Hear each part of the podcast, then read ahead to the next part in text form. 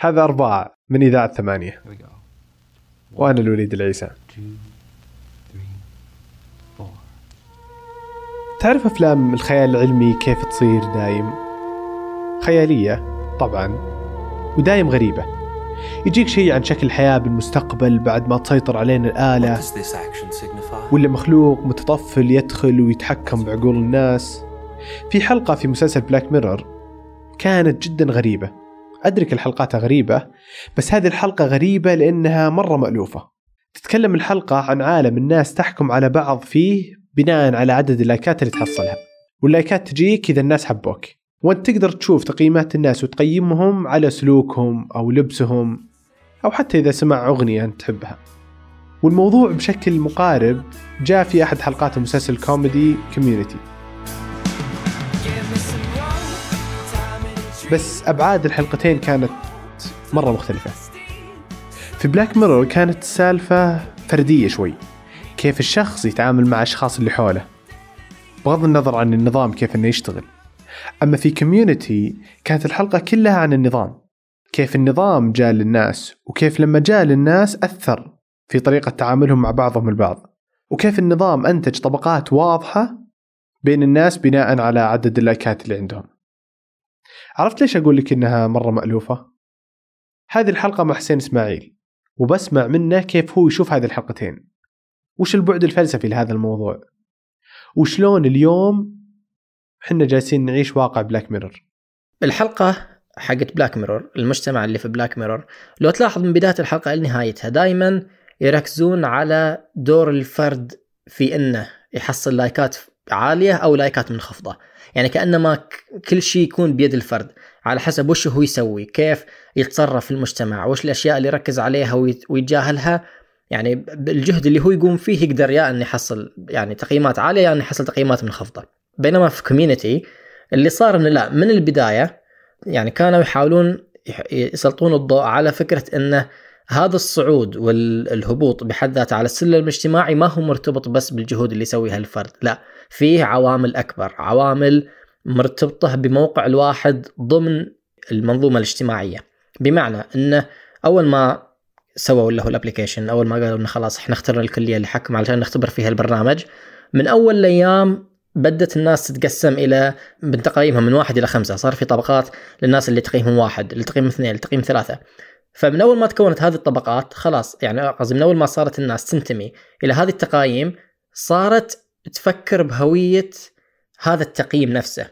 يعني صاروا اللي تقييمهم واحد يتكلمون يعني عن بعضهم البعض إنهم واحد. اللي تقييمهم اثنين صاروا يعني يخالطون اللي تقييمهم اثنين ويتكلمون عن بعض انه يعني نحمد ربنا إن إحنا إحنا واحد. وهكذا صار فيه هذا الوعي بأن إحنا منتمين أو متشاركين نفس التقييم وبالتالي فإن مصالحنا واحدة وإلى حد ما أعدائنا واحد أيضا. يعني وش وش علاقة مفهوم ال- ال- الطبقة فلسفيا؟ وهذا مفهوم خيال في هذه السالفة كلها حقت Black Mirror Community مفهوم المخيال العلم الاجتماعي آه، الفيلسوف ميلز آه، في كتاب بنفس الاسم آه، The Sociological Imagination يقول يعني بشكل عام خلينا نقول انه المخيال الاجتماعي هو القدرة على رؤية الجانب الاجتماعي من الظواهر. إذا بتتكلم عن ظاهرة محددة إذا أنت تمتلك مخيال علم اجتماعي معناته أن أنت قادر على أنك تشوف الأبعاد الاجتماعية في هذه الظاهرة. يعني الأبعاد خلينا نقول اللي متأثرة بالقوى الاجتماعية بمجرد وجودها. هو في الكتاب مثلا لما لما يتكلم عن أي ظاهرة أي ظاهرة تجي في بالك؟ تتكلم عن ظاهرة مثلا ليش الناس يفضلون يأكلون آه، من البيك؟ ليش آه، مثلا الناس آه، يعني تحب تفضل قهوه معينة ما تفضل قهو- قهوات أخرى؟ يعني إحنا عادة أو يعني في كثير من الأحيان ممكن أن نشوف هذه الظواهر كأنها نابعة من التفضيل الفردي. يعني لأن الناس يحبون يعني كأفراد يحبون هذا النوع من القهوة لهذا نشوفهم يتوجهون. لكن لما نقول مخيال علم اجتماعي فإحنا نربط هذه الظاهرة نفسها. ظاهرة ذهاب الناس مثلا إلى المطعم الفلاني أو المقهى الفلاني بمعاني أكبر مرتبطة بالمجتمع، يعني مثلا ليش المطعم الفلاني هو اللي يشتهر بينما المطعم الآخر اللي يقدم نفس مثلا الوجبات ما يشتهر. خلاص هني نشوف الموضوع من وجهة نظر اجتماعية، من وجهة نظر وش الأشياء اللي خلت يعني جماعة من الناس مثلا تفضل هذا ما تفضل هذا. وما نحللها من وجهة نظر إنه خلاص يكون ذائقة فردية ولا غيرها لا نروح نشوف كيف هذه الذائقة الفردية أصلا صيغت ضمن قوة أكبر قوة اجتماعية واقتصادية وسياسية وغيرها. يعني أنا خلينا بتكلم شخصيا. لما تجي تقول لي مثلا نتعشى كبدة أقول لك لا وين معليش الكبدة حق الفطور بس ما وين الواحد يتعشى بها. لأن خلاص في يعني في تصور عندي انه خلاص إن ال- الكبدة المفروض تكون وجبة فطور. التصور هذا لأنك أنت دايم تاكل كبدة للفطور ولا إنه في المجتمع معروف إن الكبدة ما ناكلها إلا بالفطور. إيه يعني أنا مثلا كفرد خلاص نشأت في مجتمع أدري إن الكبدة محسوبة وجبه فطور وواحدة من الوجبات يعني خلينا نقول الشائعة في الفطور. خلاص يعني هذا المعنى اللي أنا أمتلكه برغم إنه يعني تفضيل فردي وخيار فردي إلا أنه فعلا متأثر في فرد يعني في- قرار نفسي مهما حاولت إني أقول إنه قرار فردي لكن وجوده بهذا الشكل يعني في مخي مرتبط بمفاهيم أخرى اجتماعية بصياغة اجتماعية إلى أشياء ثانية. المثال اللي يتكلم عن ميلز في الكتاب مثلا كان يتكلم عن العطالة. وقال يعني مثلا لما يكون عندنا مجتمع خلينا نقول مكون من ألف فرد ومن هالألف فرد عشر أشخاص عاطلين. هني نقدر نقول أنه يعني ما في مشكلة عطالة لأن خلاص هذه الأفراد ربما من كسل ربما لأسباب أخرى يعني ما حصلوا الوظائف. لكن لما تقول أنه فيه مئة شخص من أصل ألف شخص عاطلين هني تقول لا. هني العطالة تكون ظاهرة اجتماعية لازم يكون حلها على مستوى المجتمع مو على مستوى الأفراد. فهذه إنه تمتلك مخيار علم اجتماعي معناتها إنك تقدر تشوف يعني هذا البعد الاجتماعي في أي ظاهرة تحاول إنك تقاربها. فهذه مفهوم ال- المخيار الاجتماعي مفهوم الطبقة. يعني مفهوم فضفاض واجد وأي شيء ممكن إنك تحسبه طبقه لكن أتكلم باللي قاله تومسون. تومسون عنده في مقدمة كتابه صنع الطبقة العاملة الإنجليزية عبارة لطيفة. أن الطبقة علاقة بمعنى أن هي شيء آخذ في التكون دائما. مو شيء ثابت ما هي شيء راسخ ما هو شيء يمتلك كينونة واحدة لا. الطبقة شيء يعني خلينا نقول آه، يعني بحكم ان علاقة هو شيء آخذ في التكون دائما. هو شيء يتشكل ويعاد تشكيلها بشكل مستمر. يعني لو بآخذ مثلا مثال Community إحنا نشوف أن من بداية الحلقة كانوا كل الطلاب ينتمون إلى مجتمع الكلية اللي هم فيها. يعني خلاص ما كان فيه أي انقسام ضمن هذا الشيء. يعني okay في طلاب تقدر تقول سنة رابعة سنة ثالثة سنة ثانية وغيرها بس يعني بشكل عام كانوا مجتمع واحد ما هو منقسم هذيك الانقسامات الطبقية اللي مرتبطة بمصالح مادية وإلى آخره. لكن بمجرد إن دخل البرنامج عليهم هني صار لا هني صار في بعد ثاني. صار فيه انقسامات وتكتلات بناء على معطيات أخرى. وبناء على هذه الانقسامات والمصالح يعني يتكون نوع من الثقافة يتكون نوع من العداء يتكون نوع من الصراع. لما تبدي هذه الأشياء كلها تحضر لما نشوف سالفة المصالح لما نشوف سالفة الصراع لما نشوف سالفة التكتل هني نقدر نقول إن عندنا حاجة اسمها طبقة. فتحليلنا للطبقة بيكون مرتبط بمحاولة نشوف إنه يعني بشكل عام منهم الناس اللي يتشاركون نفس المصالح ضد ناس آخرين يتشاركون مصالح أخرى. فخلاص يصير عندنا جماعة ألف وجماعة باء جماعة ألف يمتلكون هذه المصالح وجماعة باء يمتلكون هذه المصالح وهذه المصالح متعارضة فيصير بينهم صراع.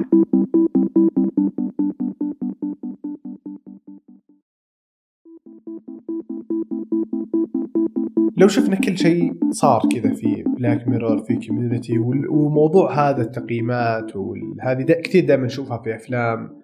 يعني بغير Community الكوميديه نشوفها كثير في الخيال العلمي وكثير من هذه الأنواع الأفلام. كيف ممكن تنطبق هذه السالفة اليوم في حياتنا الواقعية؟ يعني هل لما نجي نشوف الأفلام اللي مثل كذا هل هي انعكاس لشيء قاعد يصير في حياتنا إحنا؟ أو إنه فعليا هو كذا شيء خيالي مستحيل يصير بس كذا جالسين نسويه لل عشان قصة الفيلم وخلاص يعني. هي دائما أي حاجة آه، نحسبها خيال علمي أي حاجة نحسبها فانتازيا في النهاية هي انعكاس إلى أشياء محددة في الواقع وبناء على يعني هذا الانعكاس يحاولون مثلا ممكن يأخذون ظاهرة ويشوفون وش ممكن أقصى نتيجه مت يعني سلبية تكون إليها. وش أقصى نتيجة إيجابية ممكن؟ يعني لو بناخذ مثلا حاجة زي يعني مفهوم اليوتوبيا مفهوم الدولة الفاضلة ولا غيره. مهما حاولنا نقول انه يعني اليوتوبيا شيء ما ما هو موجود إلا في الخيال لما نروح نشوف هذه الأعمال اليوتوبية مثلا نشوف غالبا إنها تاخذ الأبعاد السيئة في العالم اللي كان يعيشه كاتبها ويحاول إنه يشوف لو إن هذه العوامل كانت العكس. يعني نتكلم عن اللي هو عن اليوتوبيا والديستوبيا. يعني واحدة المحسوبه إن هي الشيء المثالي الحياة المثالية اللي نسعى إليها والثانية محسوبة إن هي الحياة ال- يعني الارذل هي الحياة اللي المفروض نبعد عنها. فاليوتوبيا هي الحياة المثالية. إيه فالحياة المثالية هذه لو تروح تشوف مثلا زي يعني أول عمل أو واحد من أوائل الأعمال اللي بدأت تنحط في جنس أدبي يوتوبي اللي هو كتاب يوتوبيا إلى توماس مور. لو تشوف الكتاب يعني تحس إنه ياخذ الأشياء السيئه مثلا ياخذ سالفة الفقر ويقول إنه okay لو إنه مثلا كنا متساويين في الغنى آه، ياخذ مثلا ظاهرة زي الحروب ويقول إنه okay لو إنه كان ال- ال- العالم كله سلم ما في حروب. هذه الأشياء الخيالية تكون مبنية على معطيات واقعية على أشياء موجودة في حياتنا وياخذوها بس ويوسعوها شوي يحاولون يشوفون مثلا وش النتائج اللي ممكن تصير وش ال- البدائل وش اللي لو مثلا هذا الشيء كمل مثل ما هو عليه بهذه الوتيرة وش ممكن يؤدي له في المستقبل؟ خلاص يعني ما, ما نقدر نفصلها عن الواقع وفي نفس الوقت ما نقدر نقول إنه خلاص يعني إحنا ماشيين في طريقها لا. يعني هي شيء مجرد تمرس أو تمرين فكري ل كيف إنه ممكن نقرأ الظواهر اللي قاعدين نشوفها اليوم مستقبلا. أوكي فهذا تصور إنها كذا النظرة الفلسفية من إنتاج ال- الأفلام للواقع اللي قاعدين نعيشه. ففي مثل هذا المثال حق Black Mirror Community هل فعلا إحنا جالسين نعيشها اليوم مع انستغرام وتويتر واللايكات وال... ورغبتنا في إن كيف الناس جالسة تنظر لنا. مليون بالمية طبعا آه، أقول إن إيه. يعني أول حاجة يعني في في أكثر من من ظاهرة في بالي الحين تكون مرتبطة بنفس هذا الموضوع سواء بشكل مباشر ولا غير مباشر. يعني مثلا نشوف بين فترة والثانية دائما في هبات مبنية على آه، اللايكات مبنية على خلينا نقول الضجة الاجتماعية اللي سببها هذا الشيء. تشوف مثلا مقطع قصير تشوف تحدي بين واحد وواحدة على عدد لايكات في الصور في تويتر وغيرها. يعني كل هذه الأشياء مرتبطة بأنه هذا الرواج إلى أبعاد أخرى إلى نتائج أخرى. يعني واحدة من الأشياء الرئيسية اللي صارت تصير مثلا شغلة التسويق ما تسويق للناس اللي يقدرون هم يجذبون الناس للناس اللي تقدر أنها يعني تقدم نفسها على أنها مقبولة في وسائل التواصل هذه.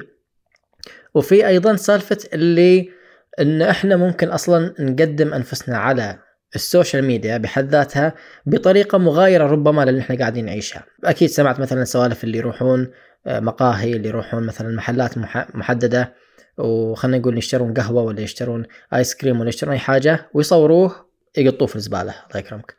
لأن خلاص هو الهدف مو أنه تناول مثلا القهوة ولا مثلا تخليد اللحظة اللي okay أنا الحين مثلا بشرب قهوة ممتازة فبس أبغى أخلد اللحظة اللي قبل لا أشربها. لا الواقع إنه يصير انه خلاص هذا التقديم تقديم الذات في ال social media يكون هو الغاية، كيف الناس المفروض يشوفوني، كيف ذا، هذه نشوفها أكثر شيء في اللي هو في Black Mirror، حلقة Black Mirror نشوف ليسي يعني تقوم كل هذه التصرفات اللي يعني خلينا نقول إحنا كمشاهدين ندري إنها قاعدة يعني تتصنع هذا الشيء. لما تاخذ الكوكيز وتروح تقدمها بطريقة محددة علشان ال- الوجه المبتسم فيها يبين بهذه الطريقة وتروح ترتبها وتصور وتنشر يعني كل هذه الأشياء يصير فيها نوع من التكلف نوع من التصنع لأن العواقب اللي ناتجة منها اللي هو اللايكات وش ممكن ينتج عن اللايكات بعدين كلها يعني أشياء يعني تنحط في نفس القالب.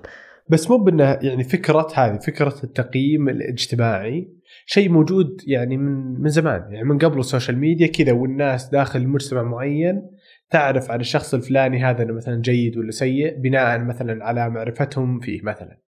فالآن لأنه صار فيه social media فبصير بعرف إنه جيد ولا سيء بناء على كلام الناس عنه. يعني أنا أعرف إنه مثلا شيء غير دقيق شيء غلط شيء مدري إيش بس مو الفكرة هذه اللي هو التقييم الاجتماعي للأشخاص شيء موجود من زمان؟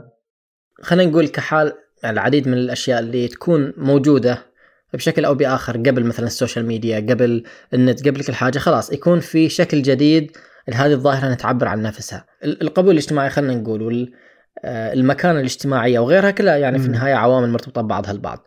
لكن اللي قاعدين نشوفه مثلا في ال social media الحين سالفة إنه يعني فيه ناس أنت ربما ما كنت بتعرفهم تشوف ال social media ناس ما كنت بتعرفهم لولا أن عندهم مثلا متابعين واجد أو أن حصلوا رتويتات واجد وما إلى ذلك.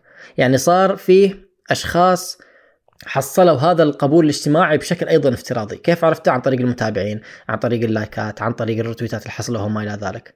فهذا قصدي إنه في شكل جديد يعني صار لما بنتكلم عن المكان الاجتماعي وعن القبول الاجتماعي وغيره لا الحين صار عندنا شكل جديد نتكلم عن هذه الظاهرة، شكل جديد في ال social media يعني.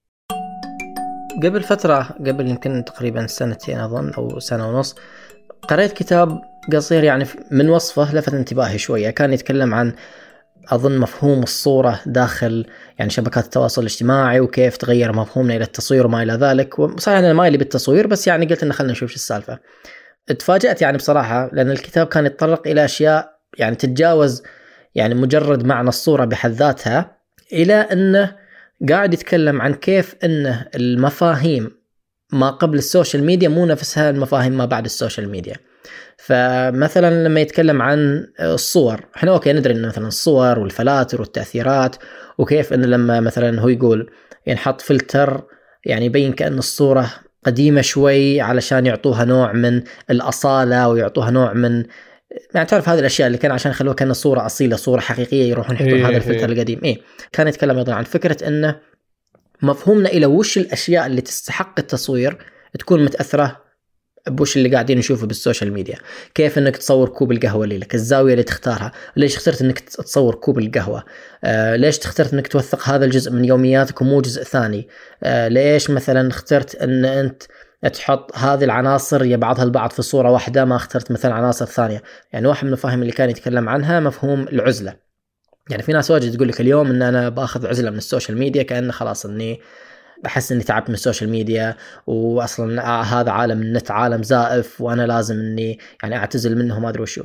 بس هو يقول ال- ال- الكاتب نفسه يقول إنه يعني هذه الفكرة فكرة إنك تعتزل ال social media مبنية على مفهوم رومانسي إلى غياب ال social media. يعني أنت already قاعد تتخيل عزلة آه، خلينا نقول مصاغة ضمن ال social media أصلا. يعني قصدك إن العزلة هذه مبنية لأنه أصلا هو كان موجود في ال social media؟ إيه إنه موجود في ال social media فيكون مفهوم عنها. يعني خلينا نقول الاشياء اللي يقول أوه والله مثلا لما لو بدون social media كان مثلا والله قريت لي ألف كتاب لو هذا كان سويت كيت وكيت كان طلعت وسافرت وما أدري شو. فهو يقول إن هذه الأشياء كلها نقدر نحطها ضمن مفهوم العزلة ما بعد ال social media يعني مفهوم العزلة المصاغ ضمن عالم ال social media بحيث إنه يصير فيه نوع من الرومانسية لهذه الأشياء إلى الوقت خارج ال social media إلى استثمار الوقت إلى استغلاله وما أدري وشو. بس كلها بالنهاية مربوطة بوجود ال social media. إيه يعني لو مو مو لو مثلا نفترض إن في يوم من الأيام ما طلعت ال social media وإن هذه الوسائل ما كانت موجودة